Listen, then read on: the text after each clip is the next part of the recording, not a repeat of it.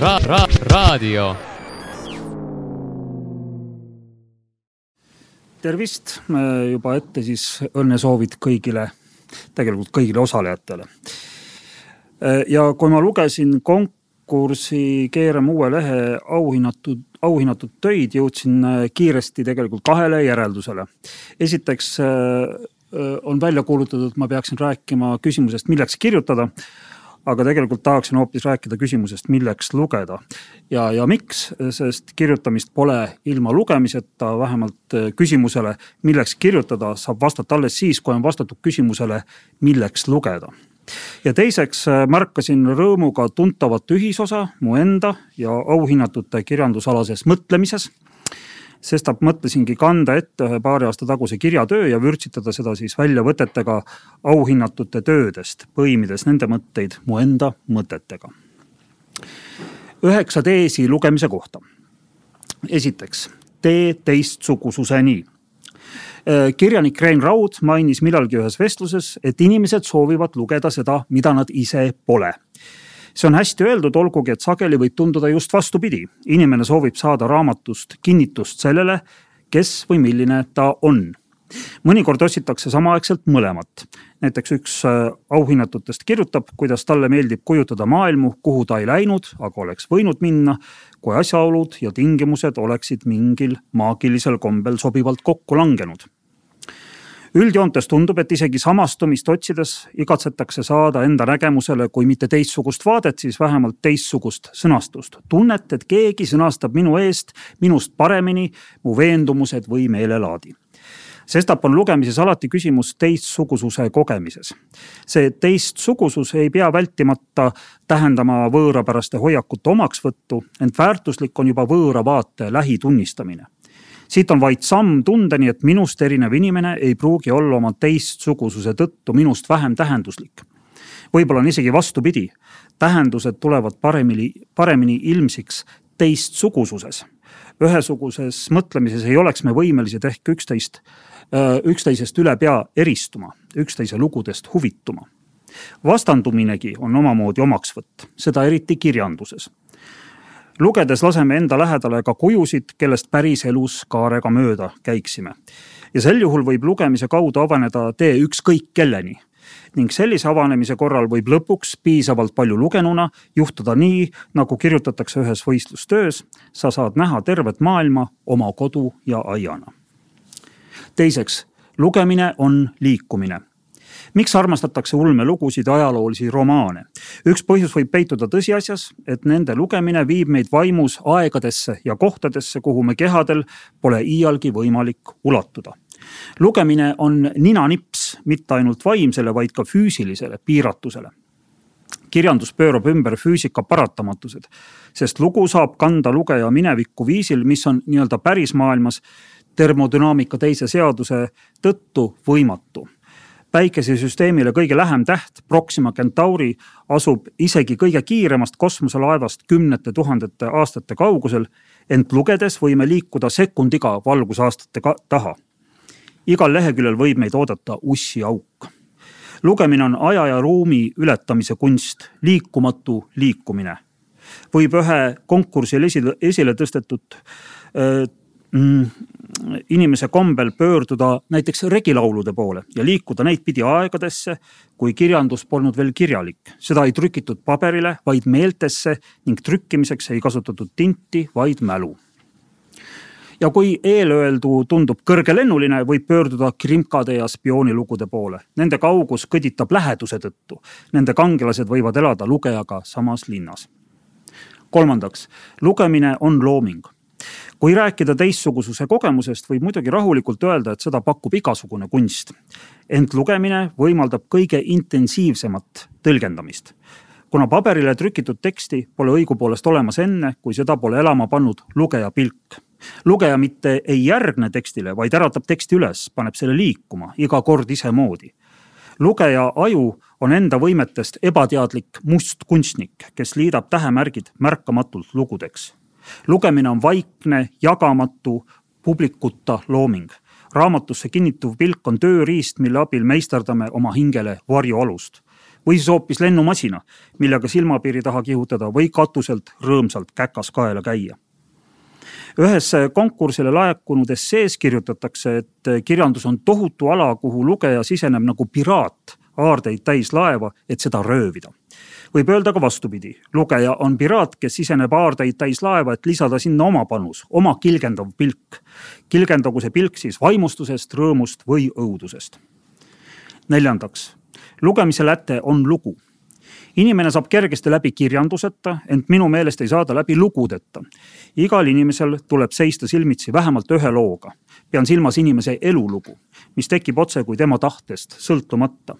inimene on looline olend kui kujutleda korraks inimest, kes tõstaks lugude vastu mässu, hüüdes, et tema elul või tema elus pole mingit lugu, ei mingisugust sõnastamisväärset mõtet, siis kõlab see juba nagu huvitav dramaatiline eksistentsialistlik lugu. mõttetu mees, sellise pealkirjaga raamatut loeks küll. See võiks olla isegi põnevik, mees püüab saada lahti oma eluloost, ent annab oma katsega, annab oma katsega endale loo, mis kleepub ta näole nagu mask ja miks otsitakse ikkagi romaane ja mahukaid mälestusi reeglina novellidest ja luuletustest rohkem? sest tahetakse lugeda lugusid, mis ulatuvad läbi terve elu, enamgi üle erinevate elude.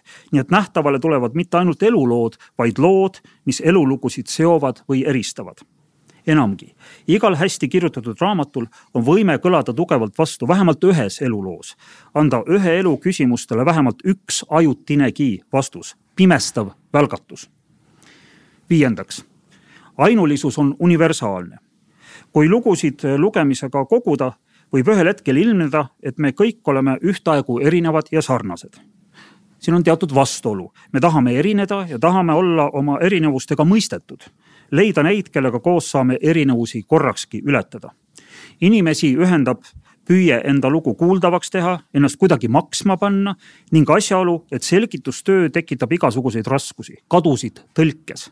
igaüks tõlgib ennast teistele omamoodi ja saab teiste inimeste tõlkekatsetest omamoodi aru sestap ei tuleks erinevusi karta, see oleks sama nagu vältida õhku. mõnes küsimuses võib mu parim sõber erineda minust palju rohkem kui Amazonase metsade vanim šamaan siiski ei tasu unustada, et kui inimesed üksteist tõlgivad, läheb küll alati midagi kaduma, ent tekib ka juurde. see tuleb sellest, et igaüks meist on kogenud midagi, mida pole kogenud mitte keegi teine. unikaalsus on universaalne, kordumatus on korduv. küsimus ongi, kuidas ja kui palju neid kordumatusi ühendada. kuuendaks, kuidas on tähtis lugedes selgub pikapeale, kui erinevalt saab asju mitte ainult mõelda, vaid ka öelda näiteks öelda erinevalt selle kohta, kuidas mõeldakse. Lugemine on erinevuste avastamine mitte ainult kogemisviisides, vaid ennekõike nende väljendamises. äkki tekibki enamus hädasid mitte sellest, mida öeldakse, vaid sellest, kuidas öeldakse või pigem sellest, kuidas ei mõisteta öelda mida rohkem on inimene kogenud lugusid, seda suurem juurdepääs on tal erinevatele viisidele asju väljendada. asi on üks, tema sõnastusi lugematu arv kas pole nii, et kuna maailmas ei eksisteeri kaht identset olukorda, tuleks meil püüda alati panna tähele mitte ainult öeldu sisu, vaid ka seda, millistes tingimustes öeldu tekib ja millistesse satub lugemisega kaasneb alati üks paratamatus, mis on seotud lugemise kui loomingulise väljendus või sisendusviisiga. siin ilmneb kirjanduse mm, kõige sügavam vastus küsimusele, kuidas maailmas olla, kuidas suhelda. ja seda öeldakse väga ilusti ühes siinse konkursi essees iga raamat on minu jaoks vestlus, kõnelus, kahekõne. just nimelt kahekõne, kahe erineva hääle koosmäng. väljendugu see siis mõõkade ristamise, tantsupõrandal keerlemise või peopesade silitusena. seitsmendaks, lihtne on raske asjaolud kipuvad olema lihtsad, miski pole õieti lihtne, sestap pole parata, sageli tundub peibutavam asju lihtsustada, tajuda härja eelarvamusi Jupiteri läbinägelikkusena. ent elu on elukestev õpe paradokside rägastikus, kus lihtsustused võrduvad sageli tundidest puudumisega. kui suurt osa maailmast, mis ulatub sünapsitest meie ajudes kvasariteni me silmapiiril, oleme võimelised selgelt tajuma julgen soovitada klassikalisi romaane mitmetahuliste tegelaste ja keeruliste olukordadega. kui teose lugemine mõjub kui mäkke tõus, võib seda lõpetades avaneda parem vaade. Pole vaja karta tunnet, et lugedes ei saanud õieti kõigest aru kas siis päriselus saab? üleskutse tunne iseennast tähendab ju, et miski jääb alati tundmata. meil kõigil läheb aeg-ajalt nii, nagu on kirjas ühes, ühe noore kirjutaja essees, et me satume vihkama midagi, mis on meile hea ning armastama midagi, mis oli meile kahjuks ja küsimus pole selles, kas selliseid vigu saab ülepea vältida, mu meelest ei saa. küsimus on selles, kui hästi me oma vead ära tunneme ja kui hästi me nendega toime tuleme, kui hästi teeme oma vigadest võimalused. niisiis ei pea lugemine andma kätte tunnet, et ma tean, on vist isegi parem, kui see annab kätte tunde, et ma vist tean küll, aga mine tea. ebakindlus ja valmisolematuse tunne võivad asuda tõelusele lähemal kui raudkindlad veendumused. kaheksandaks, raamat ei kao ühes konkursi kirjutisest leitakse, et vahetevahel on raamat kirjutaja jaoks see ja vahetevahel hoopis tema, see tähendab nagu teine elusolend, kaaslane, sõbergi. ja nii on ning kui raamat juba muutub temaks, selgub, et tal võib olla inimeste ees mõningaid eeliseid. Raamat on palju kehvem hülgaja kui inimene. raamat ei lähe ise aastateks kaduma, kui ta ei tee seda mõne inimese taskus. raamat ei sõltu elektrist, ainult valgusest. kuigi ühes kuulsas apokalüptilises filmis peletasid inimesed külmatunnet raamatute põletamisega, ei kummuta see tõsiasja, et raamatute lugemisega saab samuti külma peletada raamatut on sageli kergem kuulata kui teist inimest, sest raamat ei räägi mitte inimesega, vaid inimese ees. aga kui raamat on oluline, jätab ta sama sügavaid jälgi kui oluline inimene lisaks võib raamat olla rohkemat kui, kui üks inimene, sest heas raamatus võib olla peidus hulgaliselt huvitavaid tegelasi, kujutatud, aga elusana mõjuvaid olendeid, kellele lugeja kaasa elab ja kaasa tunneb hea raamat pole ainuline. arvan väga hästi mõistvat ühte noort konkursile kirjutanud, kui ta tundis Pall tänava poisse lugedes, et Nemetšeki näol suri ta sõber. aga siin on üks konks, päästev konks, millest me päriselus kinni ei saa hakata eluaastaid ei saa käsitleda nii nagu raamatul lehekülgi. ma võin keerata leheküljed tagasi ja elada kaasa veel ja aina elavale Nemetšekile.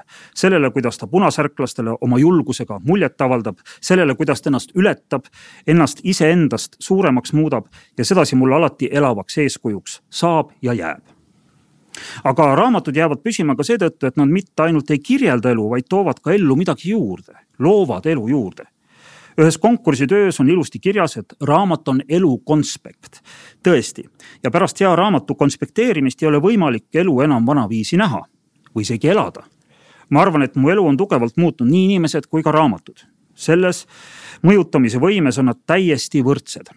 ühes teises äh, konkursile äh, saadetud essees leitakse, et sõnakunst on ühtaegu võimalus elu eest varjule tõmbuda ja sünteesida elu raskused millekski ilusaks ja tõsi, ilukirjandus ei tee ju muud, kui suurendab meie tähelepanelikkust sõnade suhtes. sõnad võivad meid segadusse ajada, panna üksteist ja maailma valesti mõistma, aga samas võime kasutada sõnu omamoodi turvisena. maailma kõige õhulisema, kõige kergema, aga hämmastavalt vastupidava turvisena. ja üheksandaks, lugemisviise pole üks lugeda võib erinevalt. alati ei pea lugema otsast lõpuni. on palju raamatuid, mida võib lugeda pisteliselt, lehekülje kaupa, nagu näiteks luule ja jutukogud, antoloogiad või teatmeteosed. lood pole reeglina kiirteed, pigem ikka käänulised rajad või lausa labürindid, mis eeldavad lehekülgedel ekslemist ja toppamist, hajameelsusest alguse saanud keskendumist, rutakust, mis jääb painama ja sunnib naasma, juhuslikkust, mis juhatab juhtlauseni, loo või lugemise lõppematut taasavastamist oi, kuidas mulle meeldib raamatute vahel sihitult hulkuda, umbes samamoodi nagu üks noor inimene oma kirjatükis seda kirjeldab. sest juhuslikud tutvused võivad osutuda mõnikord ääretult kõnekateks aga juhuslik tutvus või mitte, raamatu võib vabalt pooleli jätta, katkestus ei pruugi tähendada lugeja ja loo vahelise läbikäimise lõppu või mõju puudumist. samamoodi ei tähenda raamatu lõppu jõudmine lõpetatust.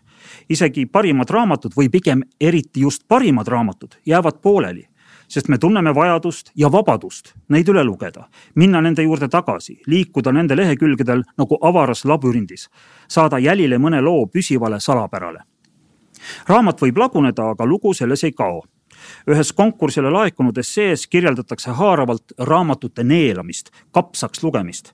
aga raamatuid saab neelata ja kapsaks lugeda vaid siis, kui raamat neelab omakorda lugeja, muudab lugeja seest üha siiruviirulisemaks. igatahes on lugemisega üks rusikareegel, iial ei tea. tulevik on siin alati lahtine, ükski avastusretk ei jõua õieti lõpule teed on alati hargnevad, lood on alati ootel ja uued, isegi pärast kahekümnendat lugemist. ja nii võiks tegelikult olla ka väljaspool raamatuid. oluliste inimeste lugemine ei saa kunagi otsa. suur tänu